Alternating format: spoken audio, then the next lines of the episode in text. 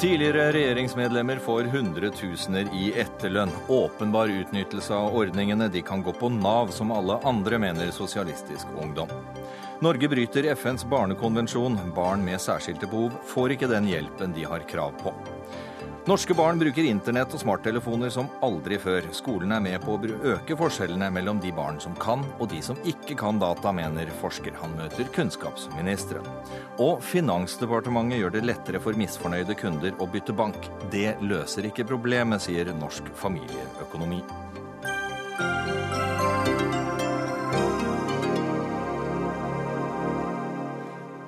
Ja, God ettermiddag. Dette er Dagsnytt 18. Jeg heter Alf Hartgen, og aller først skal det handle om politikernes etterlønn. For eh, det at tidligere Ap-statsråd Carl Eirik Schjøtt-Pedersen fikk maks etterlønn fra regjeringen fordi han startet konsulentselskap og dermed fikk forlenget karantene, har blåst liv i debatten om politikernes etterlønnsavtaler. I dag skriver VG om hvordan flere tidligere statsråder og statssekretærer fra den rød-grønne regjeringen har opprettet egne konsulentfirmaer og dermed fått karantene, som har gitt dem full etterlønn i tre ekstra måneder. Michael Tetzschner, velkommen dit. Takk. Du er stortingsrepresentant for Høyre, sitter i kontroll- og konstitusjonskomiteen, heter det. det veldig enkelt av deg. Vi skal ikke felle noen, eh, noen dom i, eh, i, noen av disse enkeltsakene og osv. Det er heller ingen som er blitt beskyldt for, å, for noe ulovlig, bare så det er sagt. Men er dette i tråd med intensjonen i disse ordningene? Ja, men da er du inne på det temaet vi da ikke kommer nærmere i dag, nemlig hvorvidt uh, dette er uh, selskaper som er opprettet uh, fordi man reelt sett har slått inn altså, på den næringsveien som gjør at man får karantene. Mm. I så fall er jo det helt i orden. Så kan man jo tenke på om en del av dette er laget for anledninger for å få ut penger av et system. Det er vel kanskje det som VG antyder ved den vinklingen de, de har. Jeg syns i hvert fall VG er berettiget til å på vegne av oss alle å stille spørsmålstegn mm -hmm. ved eh, den plutselige sterke vekst i disse eh, selskapene. Og Hvis jeg da stiller det spørsmålstegnet ja. og stiller det spørsmålet til deg, da, hva, hvordan, hvordan, reagerer du på dette? her? Hvordan syns du det ser ut? Jeg syns det er eh, slik at, eh, at, det som har fremkommet, er, er, slik at de som har tatt ut uh, lønn, må være forberedt på å besvare spørsmål. Mm -hmm. Men så er jeg åpen for at dette kan være helt lojale disposisjoner, fordi vi må huske på at karantenebestemmelsene Det er ikke noe umoralsk å være i karantene, og det gjøres jo Eh, av hensyn til eh, tidligere arbeidsgiver. Og da er det, eh, Selv om arbeidsmiljøloven ikke gjelder, det er et eget reglement for dette, så er det jo de samme prinsippene som gjelder. Nemlig at når din gamle arbeidsgiver sier at ja, men du kan ikke gå til konkurrenten eller eh, kanskje dele din viten om våre, våre strategier med andre innen det har gått en slik tid. Hvis du da legger en slik bremse, blokkere Eh, den naturlige overgangen til eh, et, en ny jobb, så er det, rett og rimelig så er det helt rett og rimelig at, eh, at vedkommende da kompenseres for det. Mm. Så det vi egentlig står overfor her, det er bare å vurdere om dette er eh, riktig kompensasjon for reelle utgifter. Og hvis det er det, så er det i orden. Hvis det er proforma-utgifter for å få noe ut av systemet, så er det ikke i orden. Andreas Halse, du er leder i Sosialistisk Ungdom. Du ser dette litt, litt enklere og sier at de kunne like gjerne gått på Nav. Dette her er for drøyt. Ja, altså Her kan det jo se ut som noen har prøvd å utnytte systemet til det absolutt ytterste. Eh, og Når man samtidig vet at det her annet er politikere som har vært opptatt i å stramme opp eh, trygdeordningene blant folk flest, så syns jeg at det sender et veldig merkelig signal til hvordan folk benytter seg av trygdeordningene i landet her, når ikke engang våre øverste folkevalgte og tillitsvalgte klarer å forvalte det her på en ansvarlig måte og bøye regelverket ja, til det ytterste. Ja, men Hva er det som er uansvarlig her, hvis dette er en ordning som Tetzschner skisserte, som skal, mm. faktisk skal sikre deg når du, når du mister jobben, som disse politikerne gjør ved et valg, så mister du jobben. Og skal du over i noe annet, så får du den karantenen. Ja, altså jeg mener Det er to ting. Det ene er at man har utnytta regelverket til det absolutt øh, mest maksimale. Det andre er at jeg mener at regelverket er altfor sjenerøst. At man fordi man har hatt en toppjobb i politikken skal få utbetalt 70 000 kroner hver eneste måned i seks måneder i etterbetaling, det syns jeg er altfor sjenerøst. Vi har en økende avstand i det landet her mellom politikere og folk flest. Det gir en boble som gjør at politikere blir i stadig mindre stand til å forholde seg til hverdagen til folk flest. Det tror jeg er et problem og en utfordring for demokratiet. Martin Kolberg, Arbeiderpartiet, leder i kontroll- og konstitusjonskomiteen, for å ta det igjen. Er dette her innafor? Er det bare sånn det skal være, eller er det, er det tøyd for langt der, sånn at det ikke ser bra ut? Hva syns du? Jeg mener jo at dette er innafor, for å bruke uh, ditt uttrykk. Uh, men samtidig vil jeg si at jeg er enig i mange av de betraktningene som Tetzschner har. Det er klart at uh, det må være slik at disse, disse tilfellene som vi snakker om her, er i tråd med regelverkets intensjon. Og jeg har jo hatt muligheten til å kontrollere det. Og eh, det faktum er jo at disse tre statsrådene som jeg da føler et særlig ansvar for i dette tilfellet, eh, de var jo i den situasjonen at de altså ikke hadde jobb når det var gått tre måneder, som er den første ordinære eh, karantenetiden, kan du si. Og de dannet da selskaper for å skaffe seg en inntekt.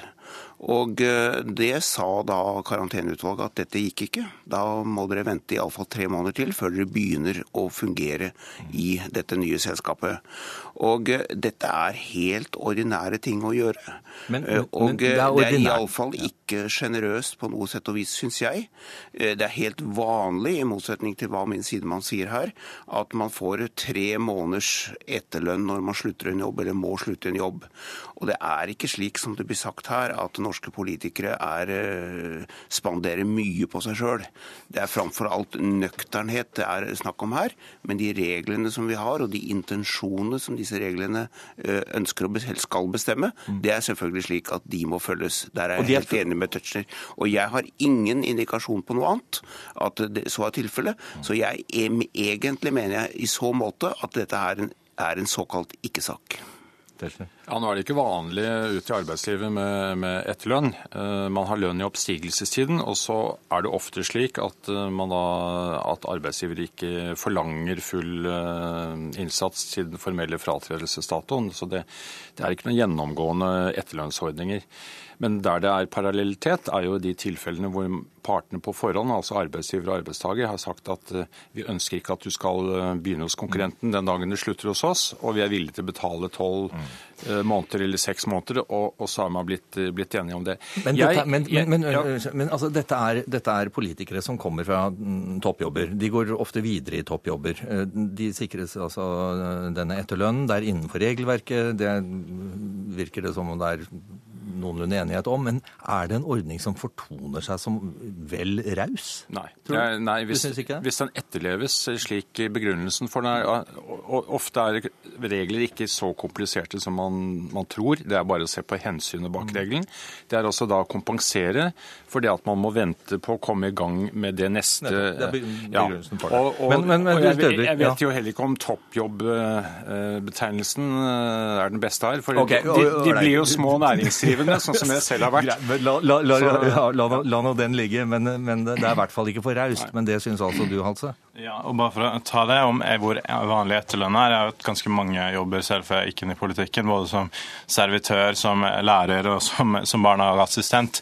Jeg opplevde ikke å få utbetalt etterlønn i, i, noen av de jobbene, og det tror jeg er en veldig vanlig situasjon eh, for folk flest. At problemet her er at man har ett system som man har lagd for folk flest. Det heter Nav. Det forventer man at folk skal gå på. Har man helt annet lukrativt Ja, det mener jeg. Også et helt annet lukrativt system som gjelder for politikere.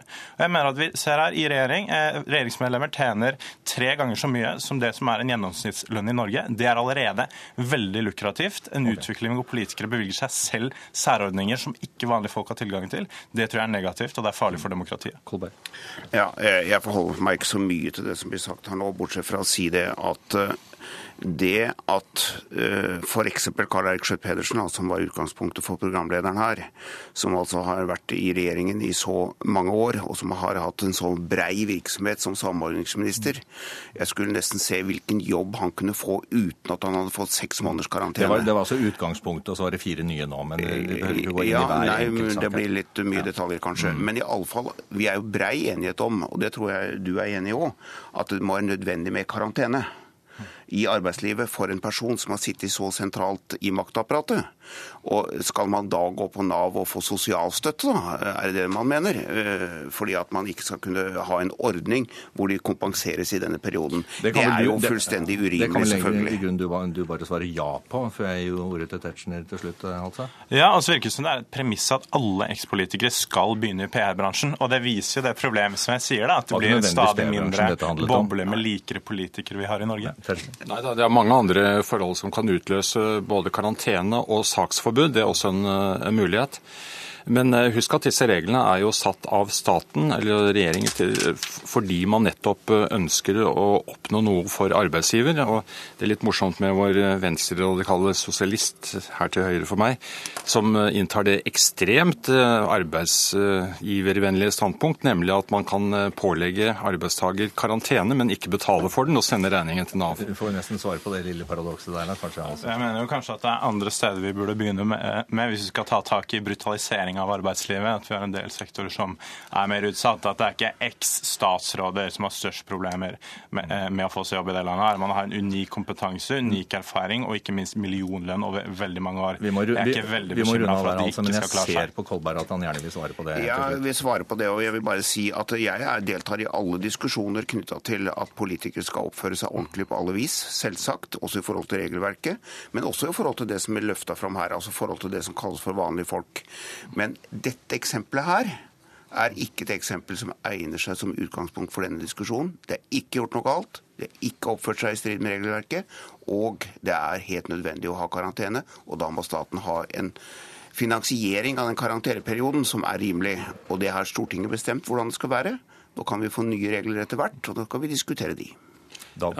det, det, er en likhet mellom eh, Kolberg og, halse her, og det er at de begge vet inderlig godt hva uh, fakta er. Det er ikke jeg så sikker på. Jeg syns eh, VG er helt i sin rett til å stille spørsmål som det er gjort i dag. Og dere kom hit. Takk skal dere ha, Michael Tetzschner, Andreas Halse og Martin Kolberg.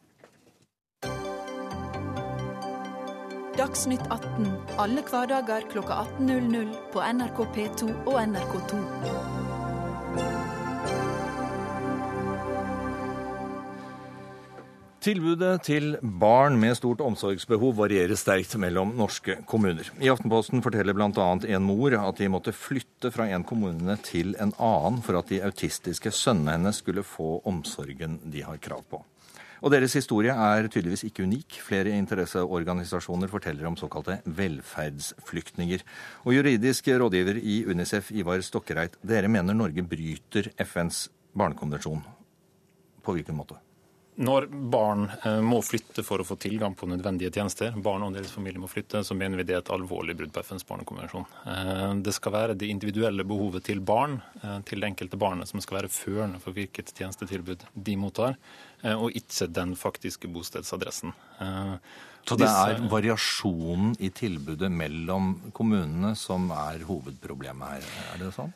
Det Aftenposten har pekt på i, i den saken de har, illustrerer jo at dette er en utfordring. Eh, og det er jo ikke en ny Eh, situasjon. Dette påpekte FNs barnekomité i 2010 i sine anbefalinger til, til Norge, hvor de var bekymra for den store kommunale ulikheten. Og Vi ser jo av tilsynsrapporter innenfor flere forskjellige fagfelt at dette er en utfordring i dag. Eh, tilsynsrapportene viser til dels dramatiske lovbrudd i et stort antall kommuner som, hvor det føres tilsyn. og Ser man også på, på antallet klagesaker som behandles hos Fylkesmannen, så ser man at i nesten halvparten av sakene så gis klager medhold ved statlig overprøving. Og Det tyder jo på at man har en utfordring utfordring i Kommune-Norge når det gjelder å innfri barns grunnleggende rettigheter.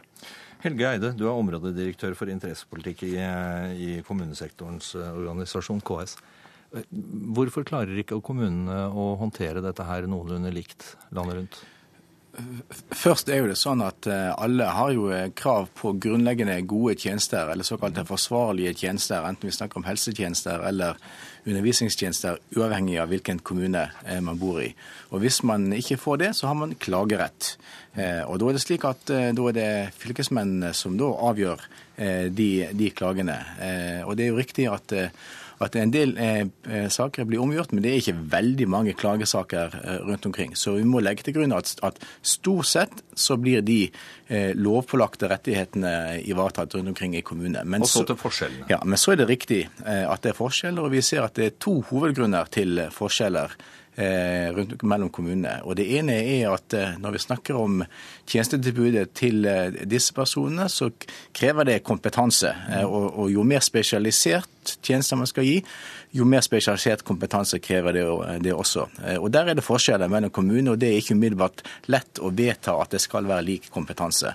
Den andre hovedgrunnen til det, det er at det er inntektsforskjeller mellom kommunene, og det skaper selvfølgelig også forskjeller i tjenestetilbudet. Og De inntektsforskjellene de er bestemt. Det er politikk som er vedtatt av det norske storting at det skal være, fordi at det er ulike politiske årsaker til det. Over til politikeren her, da. Solveig Horne, som eh, barneminister så har du et overordnet ansvar for å følge opp dette området. For dette, dette handler ikke bare om ditt departement, det handler om veldig mange. Og må jo også spørre om dette faller mellom litt for mange stoler. Men i alle fall, hvordan, hvordan, hva kan du gjøre for å sikre at disse barna ikke behøver å flytte fra kommune til kommune, eller for den del innenfor bydeler, for å skaffe seg et bedre tilbud? Først og fremst så tar vi jo de signalene som vi har fått fra FN på største alvor. For det er jo sånn at Barnekonvensjonen skal overholdes. Eh, og vi har et tett og godt samarbeid. For om jeg koordinerer det, så er det viktig med at vi har et tett og godt samarbeid og oppfølging med de andre departementene, med frivillige organisasjoner, med kommunene og KS, for å påse at de barna som, som trenger hjelp, skal få en individuell rett, hjelp og rettigheter. Eh, og det er viktig. Det er et viktig arbeid for denne regjeringen. Eh, og da er det sånn at det skal altså ikke være sånn at du skal være uavhengig av kommuneøkonomien. For de barna som har behov for hjelp, de skal få den. Og der har jo kommunene òg et ansvar for å følge dette her opp. Så slik skal det være, og det er viktig for regjeringen. Og da gjør du Ja, det som vi har satt i gang nå, er jo at BUF, eh, direktoratet mitt, som har det overordnede ansvaret, har satt i gang for å se på hvordan kommunene følger dette her opp, sånn at eh, de barna som trenger det, får hjelp. Men så er hun veldig glad for Men hva er det du ikke vet? Eh, nei, Det er jo den forskjellen som det er ute blant kommunene, samtidig som de òg går inn og har fokus på, på, kompetanse til de kommunene innen helse- og omsorgstjenester. Så dette er òg et arbeid som foregår i, i Helse- og omsorgsdepartementet, som helseministeren har ansvar for. Men det som er viktig her, det er det at alle de foreldrene òg som opplever forskjellsbehandling, og opplever at barna deres ikke får den hjelpa de trenger, de har en klagemulighet. Mm. og Derfor er det fylkesmannen òg som skal føre tilsyn med kommunene. Men vet dere nå nok om dette til å kunne gi oppskriften til Solveig Horne hva som må til? Vi vet for så vidt nok om situasjonen. Mm. Vi har jo årlige tilsynsmeldinger som gir, ganske, gir, et ganske godt bilde over hvordan kommunene der ute klarer å håndtere det regelverket de er satt til å forvalte.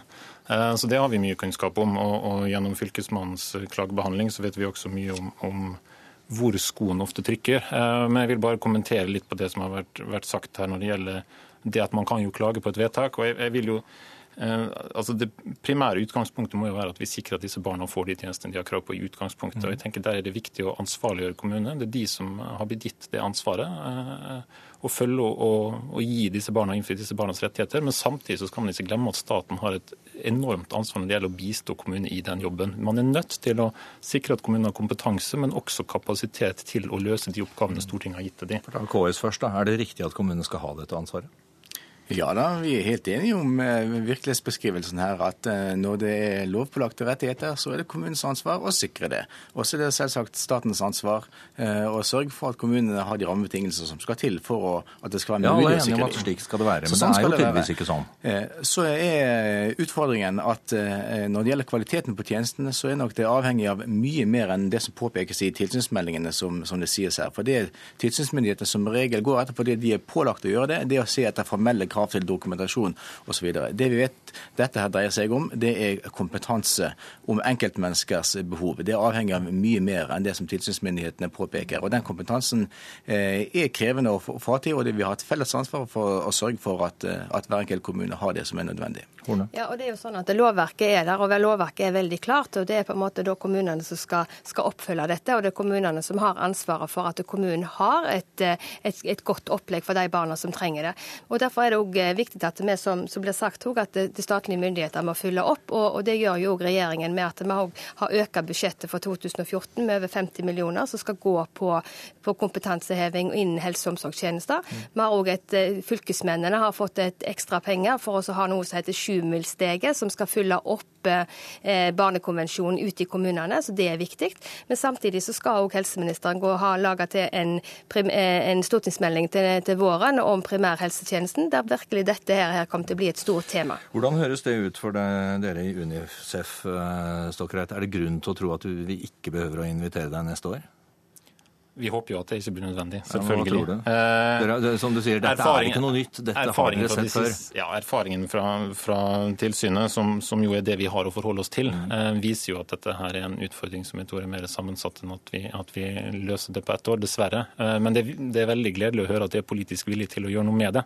Eh, og dette er jo et område hvor man har hatt bred tverrpolitisk enighet tidligere.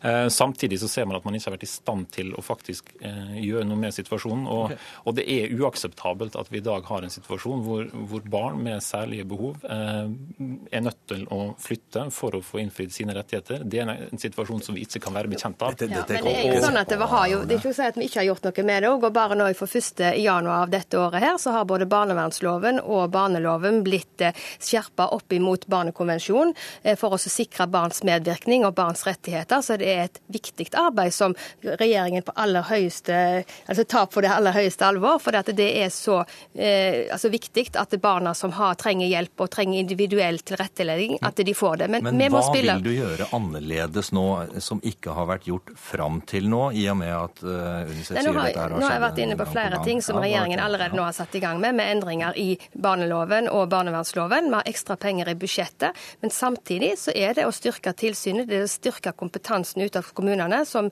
eh, Bufdir eh, er nå i gang med. Men samtidig så må vi spille på lag. Altså Det nytter ikke som meg for statsråd til å sitte her og, og, og ha mange gode, fine tanker hvis ikke det òg blir fulgt opp ute i kommunene. Og kommunene har òg et ansvar til å ha individuelle planer for de barna og familiene som trenger det. Rett over til KS, som sitter her og nikker, for så vidt. Ja, vi er helt enig i, i, det ansvaret. Vi er bare av og til litt engstelige for at, at når da statsråder blir stilt sånn, eh, sånne spørsmål, så svarer man veldig fort lett med mer tilsyn og mer eh, retningslinjer. Det vil du ikke ha. Eh, eh, både tilsyn og retningslinjer retningslinjer er for så vidt positivt, men det er ikke alltid det som hjelper. Det som hjelper, det er kompetanse. Og kompetanse skapes selvfølgelig formelt, men det skapes også i møte mellom eh, brukere eh, og, og, og kommunens tjenesteapparat. Så det vi har eh, behov for, det er ytterligere kompetanseoppbygging i samarbeid med frivillige organisasjoner, i samarbeid med, med utdanningsinstitusjonene og i samarbeid med brukerorganisasjoner. Det er det aller viktigste. Og Det tror jeg er noe av det som er nøkkelen her. At vi skal altså i samarbeid med både statlige myndigheter og med kommunene og KS og ikke minst også frivillige organisasjoner ha et fokus på dette. her. Og Vi skal bidra med økte midler til kompetanseheving, men så må òg kommunene fylle opp i sitt, eh, sitt daglige arbeid, da, slik at barna får den hjelpen de trenger. Da var det avgitt noen løfter og kommet med noen signaler her i studio. Så får vi se hva som skjer neste, neste gang dette legges fram, om dere er tilbake her da. Takk skal dere ha så langt.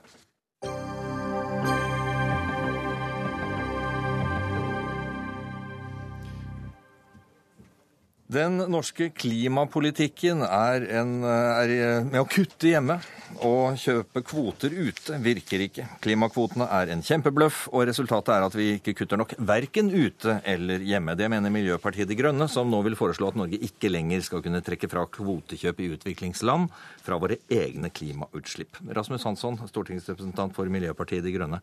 Hvorfor er dette en bløff? Eh, fordi at vi sier i Norge, gjennom dette berømmelige klimaforliket som stortingsflertallet står bak, at vi skal kutte en stor del av norske klimagassutslipp. Og så sier vi men vi skal ikke kutte dem hjemme, eh, fordi vi skal kutte dem ute. Og det gjør vi med å kjøpe disse kvotene. Ja. Er ikke, det, er ikke kvotene i utgangspunktet en god idé? Eh, jo, det er i utgangspunktet en god idé. Men ja, okay. vi vet også, eh, alle vet, og det er veldig vel dokumentert, at de har ikke noen kutteffekt ute. Og da kan vi ikke fortsette å bruke dem som unnskyldning for å la være å kutte utslipp hjemme. Nå vet vi det. Og det gjelder både disse FN-kvotene, og det gjelder EU-kvotene Mm. De fungerer ikke. Så det, altså, hva skal man gjøre da? Man la være, kjøpe, selvfølgelig- la, la være å handle med kvoter? Skrote systemet? Altså, hva, hva For det første så skal vi altså ta uh, utslippskuttene hjemme som virker utslippskutt. Altså, la være å slippe ut CO2 hjemme. Kutte.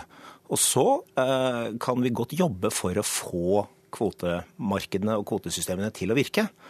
Eh, men vi kan ikke bruke dem som unnskyldning for å la være å kutte hjemme når de ikke virker.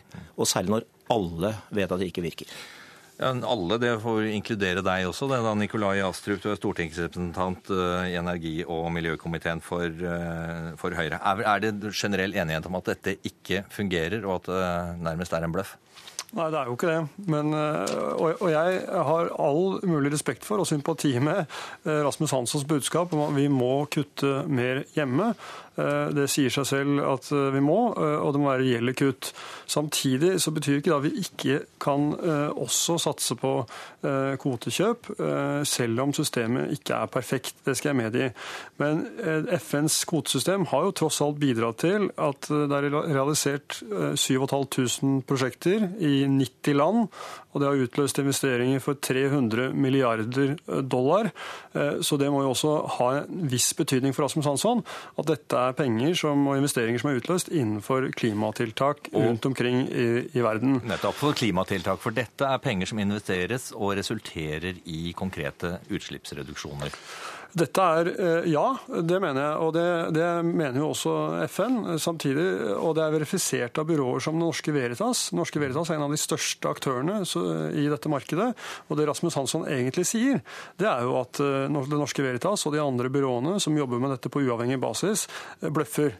Eh, Og det, det tror jeg verken de eh, kjøper eller, eller, eller FN kjøper. Nå er ikke Så- de her, så Hansson, du forklarer deg med Astrup. Ja, og- er, det, er det slik at det faktisk, du, at du svartmaler litt veldig mye her? Det Nei, nei. faktisk utslippsreduksjoner. Nei. Eh, Jeg sier ikke at Veritas bløffer. Eh, Veritas har ikke blitt spurt om hvorvidt eh, det å kjøpe sånne FN-klimakvoter kan regnes inn i norske utslippskutt. De har blitt de- om, de har blitt spurt Ja. om det er gode prosjekter. Du mener det at de, det er du vet hva de ville svart hvis de hadde blitt spurt? Eh, Ja, de ville svart at dette kan vi ikke svare på. Eh, Og, og, og det skal jeg komme tilbake det, Et øyeblikk, så skal, du, skal, så skal jeg gi deg et litt nøyere svar. Det å støtte eh, klimatiltak og, og fornybar energi i utviklingsland, det er helt flott. Det skal vi gjøre. Og det har Miljøpartiet De Grønne nettopp lansert et massivt forslag for å styrke. Men vi kan ikke regne det inn i det norske utslippsregnskapet når vi ikke eh, har noen som helst mulighet til å fortelle hvor mange tonn utslipp er det dette fører til, som gjør at vi kan la være å kutte de samme tonnene i Norge. Og det gjelder FN-kvotene. Og så er det da for å gjøre det enda verre noe som heter eh, EU-kvoter. Kan jeg få, lov til å komme med et veldig viktig sitat? Jeg må få la Astrup få, Du kommer sikkert med det etter hvert, men la Astrup få svare på den, den der først. Jeg er helt uenig, men og når, når Rasmus Hansson sier at uh, han vil satse på klimatiltak i utviklingsland, han vil bare ikke gjøre det gjennom FN-kvoter, så sier det jo litt om, om hvor eh, lite konsekvent han er. Eh, sannheten er at disse prosjektene bidrar til eh, klimatiltak i utviklingsland. Det er bra, det utløser store summer, men det er helt åpenbart at systemet ikke er perfekt. Men det finnes veldig få internasjonale mekanismer som verden er enige om. La oss da ikke skrote dem, la oss heller bidra til å gjøre dem bedre hvis det ikke virker som de skal. Men poenget til Hansson her er vel snarere at eh, vi kan godt, godt gjøre disse bedre, men slik de fungerer i dag, så kan de ikke gå inn i det norske klimaregnskapet. Altså det, det er en teknisk diskusjon, fordi eh, vi skal kutte våre utslipp hjemme reelt sett. Frem mot 2050 skal Norge bli et lavutslippssamfunn. 2020 er en kontrollpost. That's it. Eh, vi skal videre. Så la oss heller diskutere hvilke tiltak vi skal gjennomføre for å redusere norske utslipp. Men dette er også et eh, globalt spørsmål. Vi kan få store kutt for lite penger ute. Og da er det ikke snakk om enten-eller, da er det snakk om både-og. Og det vet Rasmus Hansson inderlig vel. Ja, da får han svare- han tar grunnleggende feil når det gjelder EUs kvotesystem. fordi ja, prisen på EU-kvoter er lav, eh, men eh, det skyldes jo at Sør-Europa har vært gjennom den verste økonomiske krisen siden annen verdenskrig. Det skulle da også bare mangle at prisen på å slippe ut da er lav, når fabrikk etter fabrikk stenger ned. Så- nå, nå, nå må Hansson få svare på Det, dette. det, det Nikolai Astrup, i likhet med foregående rød-grønn regjering og store deler av stortingsflertallet, sånn innbitt og systematisk gjør, er å snakke seg vekk fra det enkle faktum at det finnes intet grunnlag og ingen tall for å regne tilbake til det norske utslippsregnskapet de kvotene som vi kjøper ute gjennom FN-systemet. Men i Norge så forteller stortingsflertallet det norske folk at vi skal kutte 30% av våre utslipp innen 2020. Og en stor del av det skal vi gjøre ved hjelp av å kjøpe disse kvotene, som vi altså ikke kan dokumentere. Det er delvis FN-kvotene. Og så er det disse EU-kvotene som, eh, som, eh, nå eh, Astrup bringer på banen, hvor han sier at det tar fundamentalt feil.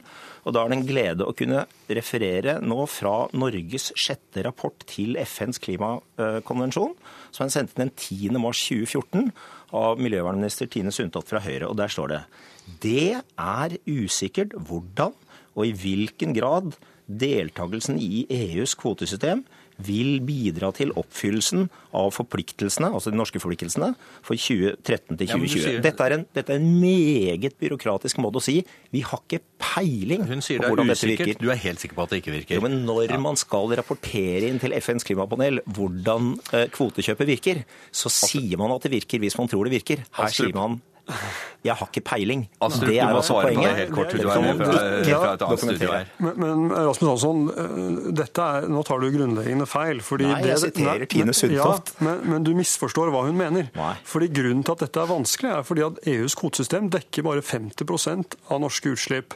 Dette må ses i sammenheng med eh, både eh, hvordan industriutviklingen blir, hvordan EUs kvotesystem utvikler seg, og ikke minst hvordan prisen på utslippene blir. Men det som er hevet over tvil, det er at eh, i 2020 så kommer EUs, eh, altså de sektorene som er underlagt EUs kvotesystem, der kommer utslippene til å være 21% lavere enn det de var i 2005. Eh, det er rett og slett fordi det styres av hvor mange kvoter man utsteder. Og Etter 2020 så skal dette systemet strammes ytterligere inn. Det er bra, fordi det kommer til å gjøre at prisen på å slippe ut går opp. Blir det bedre da, Hansson? Det er mulig, men fra nå til 2020 så har vi altså hørt uh, igjen at uh, Nikolai Astrup har altså ingen mulighet til å dokumentere hvordan kvotekjøp i FN og hvordan kvotekjøp i EU overhodet bidrar til å redusere uh, norske utslipp. Og det vi sitter igjen med er vi kutter ikke disse utslippene i Norge og bruker noe som ikke virker som unnskyldning, og det må vi holde opp med. Men, Rasmus Hansson, Jeg bruker ikke dette som unnskyldning. Jeg sier at vi skal kutte hjemme, og vi skal kutte mer. Men jeg kan ikke ta ansvar for at eh, med åtte år med rød-grønn regjering så er det gjort for lite for sent. Eh, det arbeidet må starte nå. Vi skal forsterke klimaforliket. Vi skal kutte hjemme, men det betyr ikke at vi ikke også skal satse ute og bygge opp under de få eh, mekanismene vi har for å prise utslipp som verden har blitt enige om. Og nå ser vi at altså- Kina, Mexico, Quebec, California følger EUs eksempler og etablere kvotehandelsmekanismer. I Kina gjør de nå med syv store prosjekter som dekker 400 millioner mennesker. Det er klart Dette har en betydning, og det gjør også at man kan bli litt optimistisk på vegne av de forhandlingene som skal gjøres i Paris. Det som ville være helt feil signal, det er å si at vi skal ikke være med på den byrdefordelingen som foregår gjennom CDM, som nettopp handler om at rike land skal ta sin del av ansvaret for de okay. Eh, klimaendringene som vi påfører fattige land Nå, rundt omkring i verden. Astrup, der er jeg nødt til å sette strek. Litt mer optimistiske eh, toner fra det hold. Takk skal dere ha, Nikolai Astrup fra Høyre og Rasmus Hansson fra Miljøpartiet De Grønne.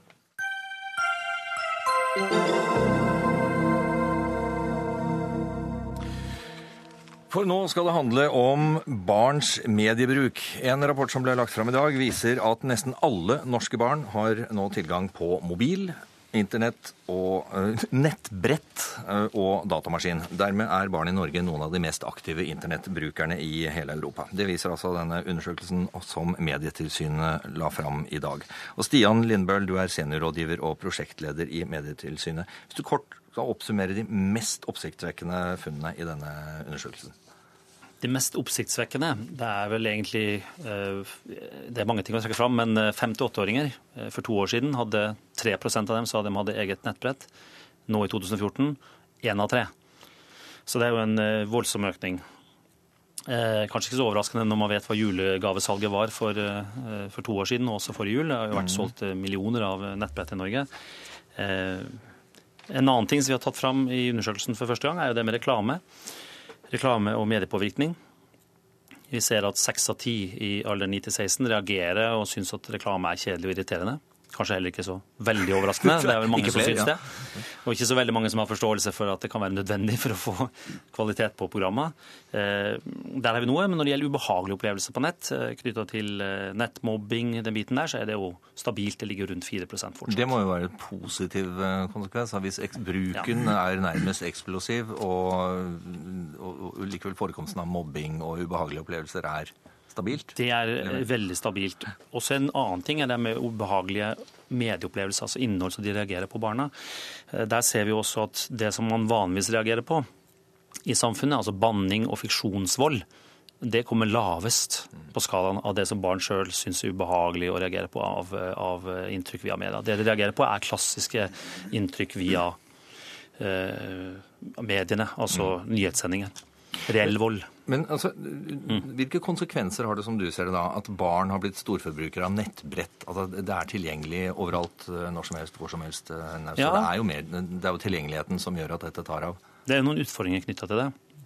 Helt klart. Utfordringa Utfordringen er jo det at eh, hva med godt tilrettelagt norsk innhold? Eh, Det er jo, De fleste tjenester som barn og unge bruker, er jo amerikanske. Mm. Og vi har jo en undersøkelse tidligere som viste fra noe som heter EU Kids Online, at norske barn var de som reagerte, eller var minst fornøyd med tilrettelagt innhold på nettet av 25 land i Europa.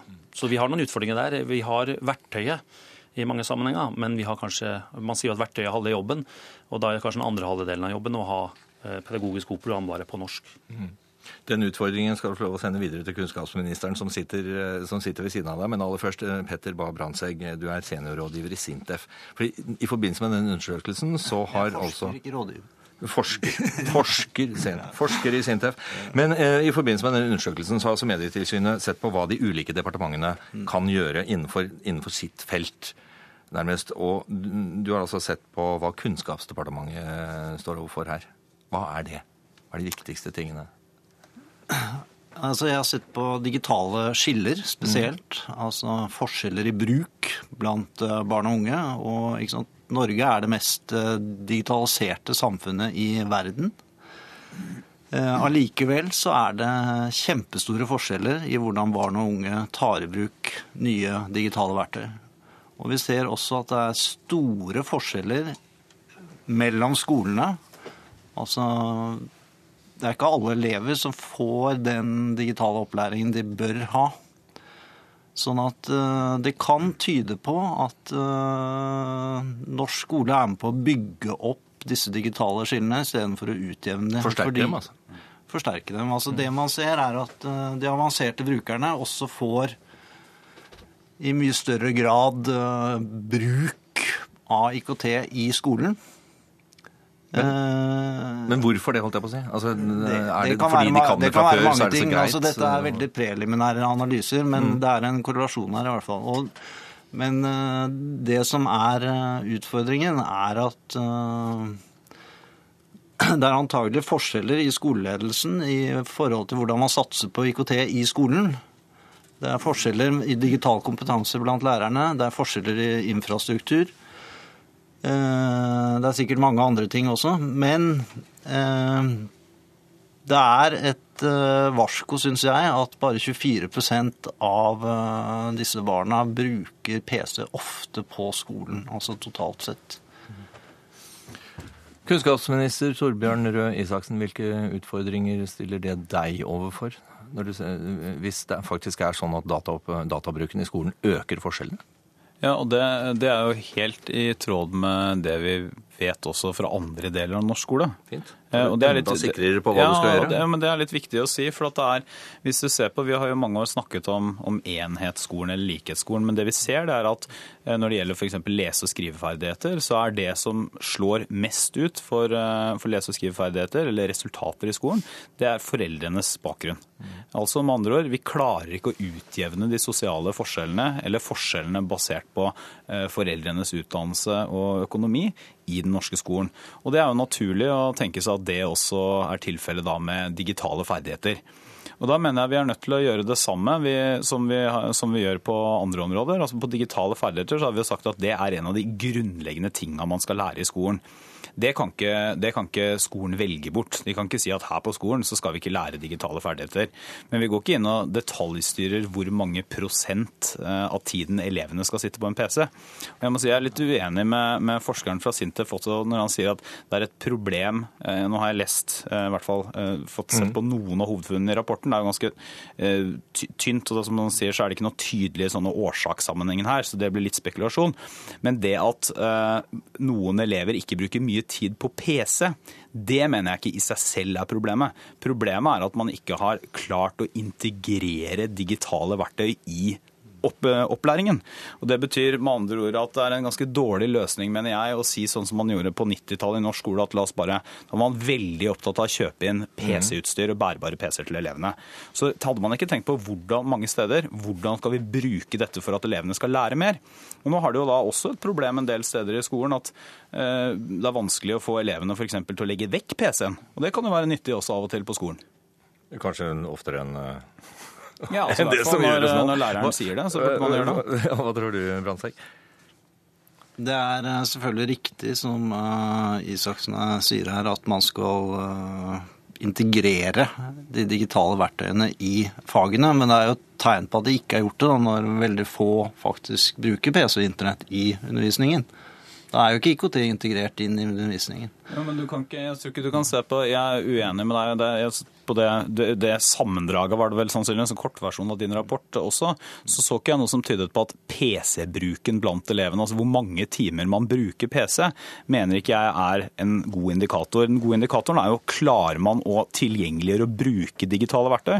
Og Derfor er det interessant f.eks. når man ser fra eh, det var bl.a. i medieundersøkelsen også, og det var vel også i din rapport, at man ser at f.eks. veldig mange elever dobbeltsjekker ikke informasjon de finner på internett. Det er et problem. ikke sant? Hvis man ikke har lært seg den digitale ferdigheten at du kan ikke regne med at enhver kilde du finner på internett er troverdig. Det er ikke som et godt gammeldags leksikon, ikke sant? hvis du ikke da går inn på Store norske. da. Forholdsvis, forholdsvis grunnleggende. Det er Lindberg. Ja, Det stemmer ikke helt, faktisk, fordi vår undersøkelse nå viser jo at det er en økning. Det er jo faktisk seks av ti av de mellom 9 og 16 som faktisk sjekker, dobbeltsjekker. 58% Ja, det, det er seks av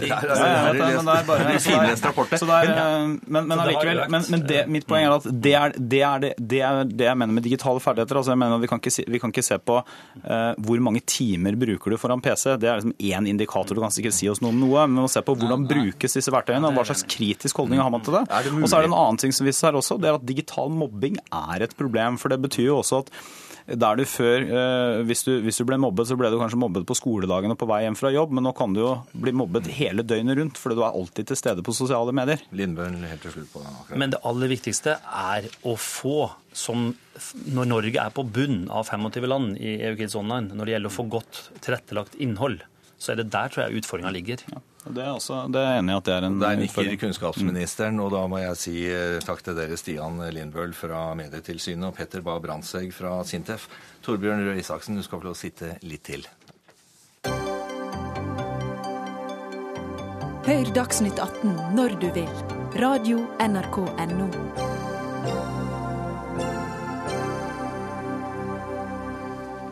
For vi skal snakke om en bok som heter 'Tilbake til politikken'. Og det, det er intet mindre enn hvordan Arbeiderpartiet igjen skal bli folkets parti. Den har eh, du skrevet, Aksel Brånen Sterri.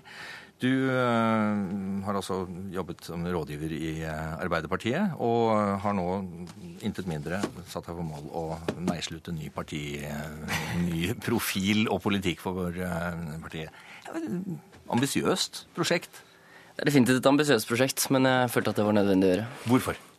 Eh, jeg har faktisk latt meg provosere litt av eh, min sidekamerat her, som eh, for noen år siden mente at, ja, at sosialdemokrati var dødt. Det er ikke så rart, kanskje. Og jeg følte ikke egentlig at Arbeiderpartiet har gitt et svar på det. Man svarer med at jo, jo, greit, det kan hende at sosialdemokrati som ideologi er død, men vi styrer jo etter det beste til enhver tid. Og Da føler jeg egentlig at Arbeiderpartiet har blitt eh, litt visjonsløse. Og man mangler nettopp en helt konkret ideologi eh, som jeg prøver å tegne opp i den boka. For det er tross alt eh, nødvendig å finne ut hva som er rett politikk. Man kan ikke bare styre etter hva velgerne til enhver tid mener. Man må sette opp en idé der framme som man styrer etter. Hadia Tajik, stortingsrepresentant for eh, Arbeiderpartiet. Ser du, den, ser du, ideologien og ser du målet der framme i boka til eh, Aksel Brånen Sterri? Jeg syns det er strålende at det er eh, nye stemmer som vil være med på å diskutere sosialdemokratiet og ikke minst veien videre. Eh, jeg er ikke enig i at eh, sosialdemokratiet er visjonsløst. Det har vært en veldig viktig visjon som har vært en synlig rød tråd gjennom hele arbeiderbevegelsens prosjekt, nemlig det å sørge for frihet til alle. Mm. Altså friheten til å kunne leve livet sitt sånn som man ønsker, og ikke minst så handler det om å ha solid grunn under føttene sine. Ikke minst så handler det bl.a. om å ha en selvstendig inntekt, en egen økonomi, muligheten til å kunne delta i arbeidslivet. Men nettopp frihetstanken, altså boka til Sterri, slik jeg jeg har eh, lest i den, i hvert fall, så beveger den seg på et par, par plan her. Det ene er liksom det overordnede frihetstankegangen. Samtidig som du diskuterer sukkeravgift og sosialhjelp og Nav-stønad og sånn. Det kan vi, la, kan vi la ligge her. Men denne Altså, denne visjonen da, som har ligget der hele veien, er den borte, den da, som Hadia Tajik snakker om? Ja, du kan iallfall gå på helt konkrete politikkområder eh, hvor jeg mener man har eh, feil er ikke sukkeravgift. Men barnefattigdommen f.eks. øker. Eh, og dette er altså noe man er eh, opptatt av å gi alle en inntektstrygghet, men det greier man ikke. Og det er pga. arbeidslinja. Man stadig strammer inn og strammer inn og strammer inn. Nav blir et ublidt møte. En halv million mennesker sier at de, møter, Nav og ikke blir møtt med respekt. Og dette er helt konkrete ting. Det samme pensjonsreformen, som nå er blitt mer ublid for de med lave inntekter. Man tar egentlig og subsidierer de med, de med lave inntekter og lav levealder. De subsidierer de med høye inntekter og uh, høy levealder. Og det er ikke god sosialdemokratisk frihetspolitikk, også på de områdene som Haja Tajik sier. Og så er det andre elementer av friheten, som nettopp går på folkehelsa, og som går på sexarbeider, eh, altså sexkjøpsloven osv. Eh, men det kan vi kanskje ta etterpå. Og så er det noe som faktisk går på det området som, eh, som Torbjørn Røe Isaksen steller med. For du snakker også om denne personlige friheten til å velge, altså valgfriheten, og tar utgangspunkt i, i skoledebatten. Mm. Og valgfrihet er jo noe dere har vært opptatt av, Røe Isaksen. Dere har vunnet et valg på det, nesten. Hvis vi skal forenkle det veldig. Jo, men altså, dette, ja, dette er liksom Høyres også, retorikk. Det som, det som Brånen Sterje skriver med boka si, det er, jeg kom på, for, for, noen måneder siden så møtte jeg en, en amerikansk nobelprisvinner som heter Heckman, som har jobbet mye med barnehager og sånn, f.eks. Og da, Han var veldig opptatt og spurte veldig mye hvordan er foreldrene som pådriver i skolen for høyere kvalitet og standarder og kunnskap, ting som Høyre har snakket mye om. Og så sa jeg at i, i Norge så er det, det er klart det er veldig mange foreldre som er engasjert i skolen, men det er, det er ikke den tradisjonen man har i f.eks. USA for at foreldre nærmest liksom de føler et skikkelig eierskap til skolen, og styrer også skolen mange steder. Og det ble han veldig overrasket over. Og Det, det jeg syns er veldig spennende med boka til Bråten Sterre, det er at han tenker nettopp f.eks. når det gjelder valgfriheten. Han, han, sier ikke at den er uproblematisk, og det er den aldri. Valgfrihet betyr også at folk kan velge gale og dumme ting. Men han peker på litt av muligheten som ligger i f.eks. at foreldre og lokalsamfunn går aktivt inn og f.eks. velger hva slags skole barna skal gå på, og hvilke positive sider det også kan gi. Så syns jeg han er litt spennende også når han snakker om Han beveger seg jo litt inn på Arbeiderpartiet har jo ofte tenkt på frihet som frihet gjennom politikk. Altså Politikkens jobb er å gi folk muligheter. mens på høyresiden har man også vært opptatt av at frihet av og til kan være frihet fra politikk. Og Brånen Sverre beveger seg jo inn på noen av de områdene, da. Hva tror du, Hadia Tajik? Er dette en vei Arbeiderpartiet peker, han, peker Sterje ut noen veier som Arbeiderpartiet kan gå eventuelt for å konkurrere med Høyre om å eie frihetsbegrepet, valgfrihetsbegrepet? Det Sterje og jeg er enige om, er at eh, frihetsbegrepet er det sentrale i det Arbeiderpartiet jobber for og skal jobbe for. Men jeg tror nok at vi er uenige i en del av eh, virkemidlene. Altså Når eh, f.eks. Sterri og Høyre for så vidt er opptatt av at man skal slippe til flere private aktører i, i Skole-Norge, så er det jo Eh, min vurdering i hvert fall at eh, det vil jo føre til valgfrihet for de få. Altså de som har emosjonelt, intellektuelt eller økonomisk overskudd til å drive og shoppe den skolen de ønsker at ungene deres skal gå, gå, på. Og det er ikke i nærheten av å sørge for frihet for alle. Da mener jeg at det er riktigere å prioritere ressursene eh, på å gjøre fellesskolen best mulig.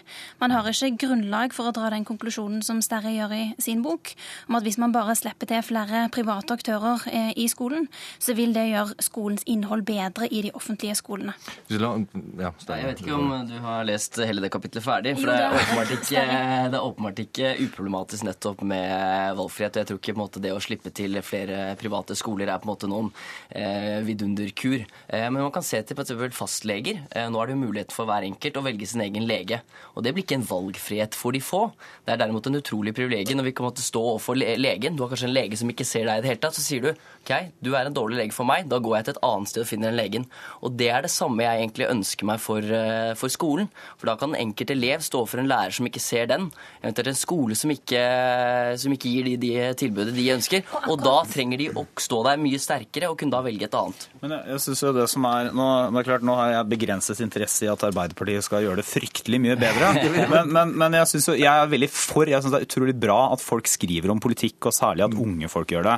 Og for å si, Det jeg syns er spennende med, med den boka, det er også at Eh, Aksel har ikke skrevet en bok hvor han sier at sånn burde det være, la oss få bare flere privatskoler som ordner alt. Han diskuterer veldig for og imot og forskjellige løsninger.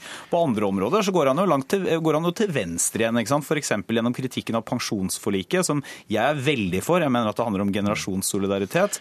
Men hvor, hvor han da går, legger seg til venstre for Jens Stoltenberg og Jonas Gahr Støre og i og for seg nesten hele det politiske Norge. Men hvis vi, hvis vi forlater enkelttemaene likevel, Sterri. Altså, hvis du skal gi folk større valgfrihet, så vil folk bruke den friheten til å gjøre forskjellige valg, og da må du også godta større forskjeller. Ligger det, ligger det under her? Vil Arbeid, må Arbeiderpartiet gå i den retningen? Til en viss grad så må du iallfall godta forskjellige valg.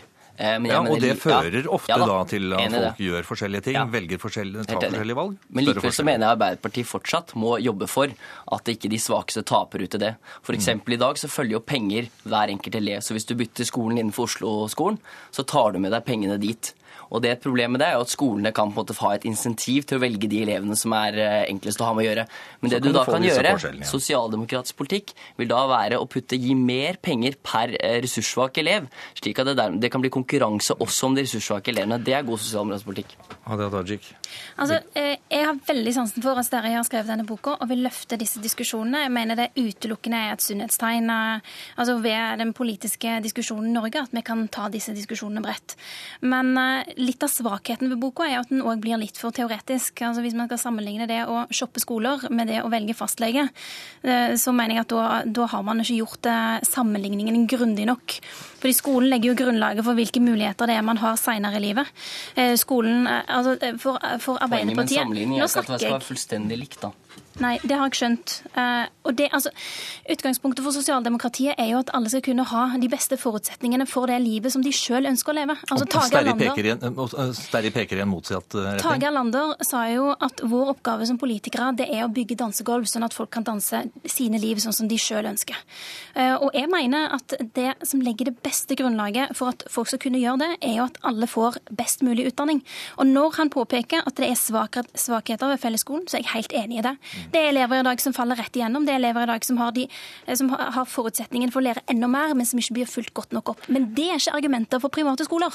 Det er argumenter Den- for en bedre fellesskole. Den utfordringen der kunne nesten hoppa over Sterri og eh, dratt rett over til eh, mannen som sitter ved siden av ham, Torbjørn Røe Isaksen. Men det får, vi ikke, det, det får vi ikke tid til nå. Takk, takk skal dere ha, alle sammen.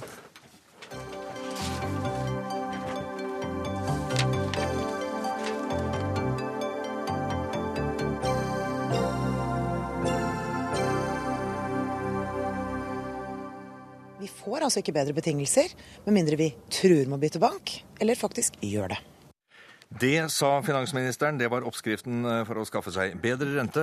Bytt bank. Og hvis anbefalingen i den nye finansmarkedsmeldingen blir fulgt, så skal den gamle banken tvinges til å hjelpe deg. Bl.a. med å overføre avtalene eh, du har inngått til den nye banken du velger. Reid Krohn Pettersen, sjeføkonom i Norsk familieøkonomi. Noen av oss vanlige godtroende lønnsmottakere tenkte liksom at eh, dette var jo fint, for da ble det større konkurranse mellom bankene. Men dere sier at dette ikke virker? Nei, det hjelper ikke å kunne få lov til å ta med det gamle kontonummeret ditt. Det kunne de teknisk gjort allerede på 80-tallet. Eh, Det som eh, hemmer konkurransen i dag, er at alle de store bankene ligger veldig godt nede på rangstigen, som jeg kaller det. Blant de 120-30 bankene vi har i dag, så, eh, så ligger de eh, blant de dyreste. Og, det, og Hele poenget ligger i at eh, hvis konkurransen skal fungere, så må den gjelde for de som er gode, trygge, lojale kunder i banken. Men Hvorfor gjør de ikke det, da? Ja, det er derfor vi har bedt Konkurransetilsynet og Finansdepartementet ta seg se på det. Fordi at det For bare noen få år siden så har, lå alle de store bankene oppe blant de beste på betingelser. Nå ligger de blant de dårligste.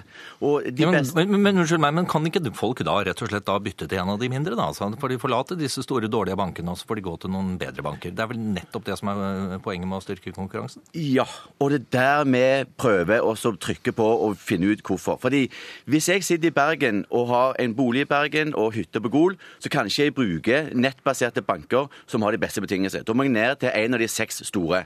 Så sier han de seks store du skal få 40, altså 0,4 bedre rente hvis du kommer til meg, men da må du kjøpe forsikringsproduktene hos meg, pensjonen hos meg, eh, eh, aksjesparingen hos meg og kredittkort hos meg. Det er lojalitetspakkene som er problemet her. Ja, og så spør jeg meg sjøl. Han som har vært kunde i banken i 20 år, han har fem, altså en halv prosent dårligere rente enn 24-åringen som kommer inn av førstehjemslån. Er det god politikk? Er det god konkurranse? Nei, vi, lar det, vi lar spørsmålet gå til Jon Gunnar Pedersen. Han er statssekretær i Finansdepartementet og burde klare å øh, svare på dette.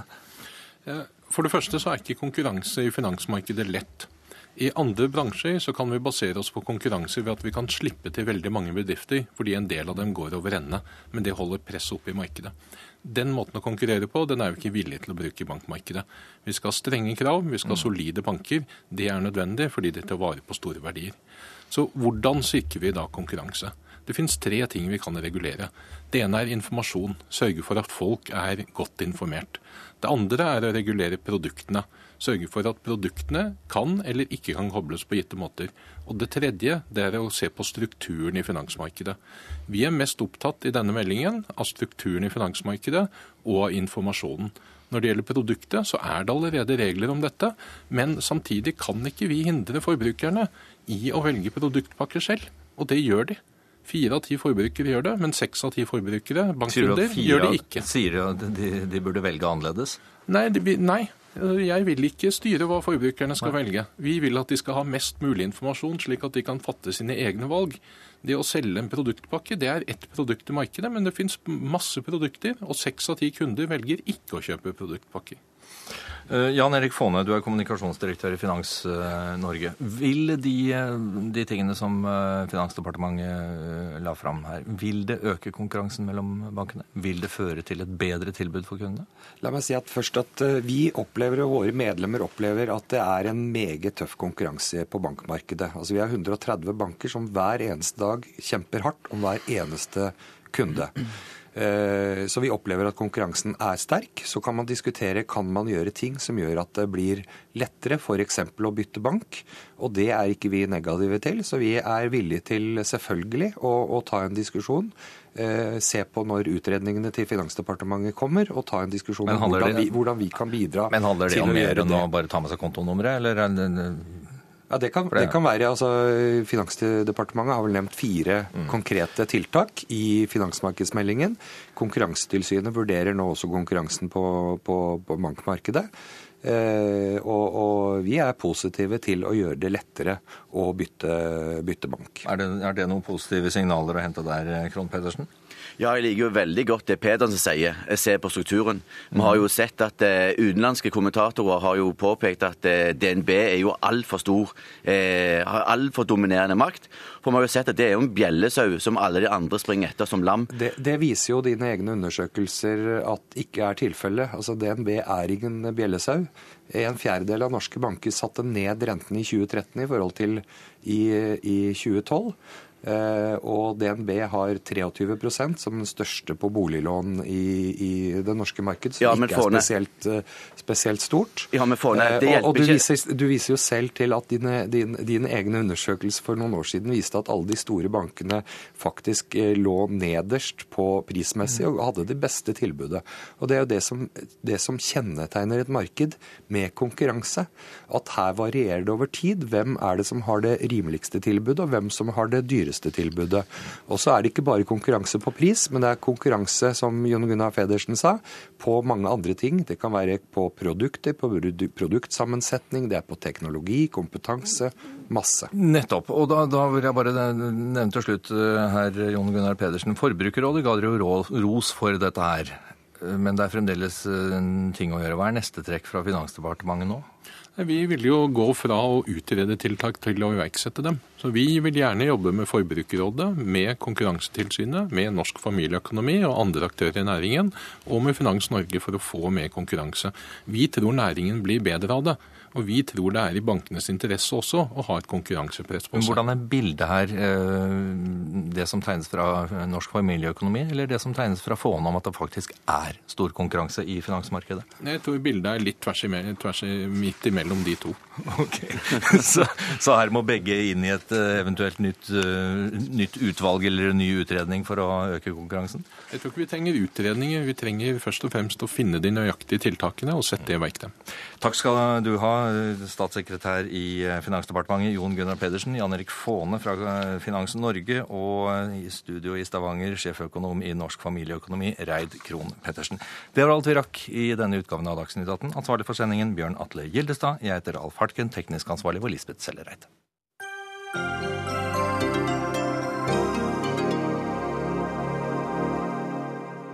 Hør flere podkaster på nrk.no podkast.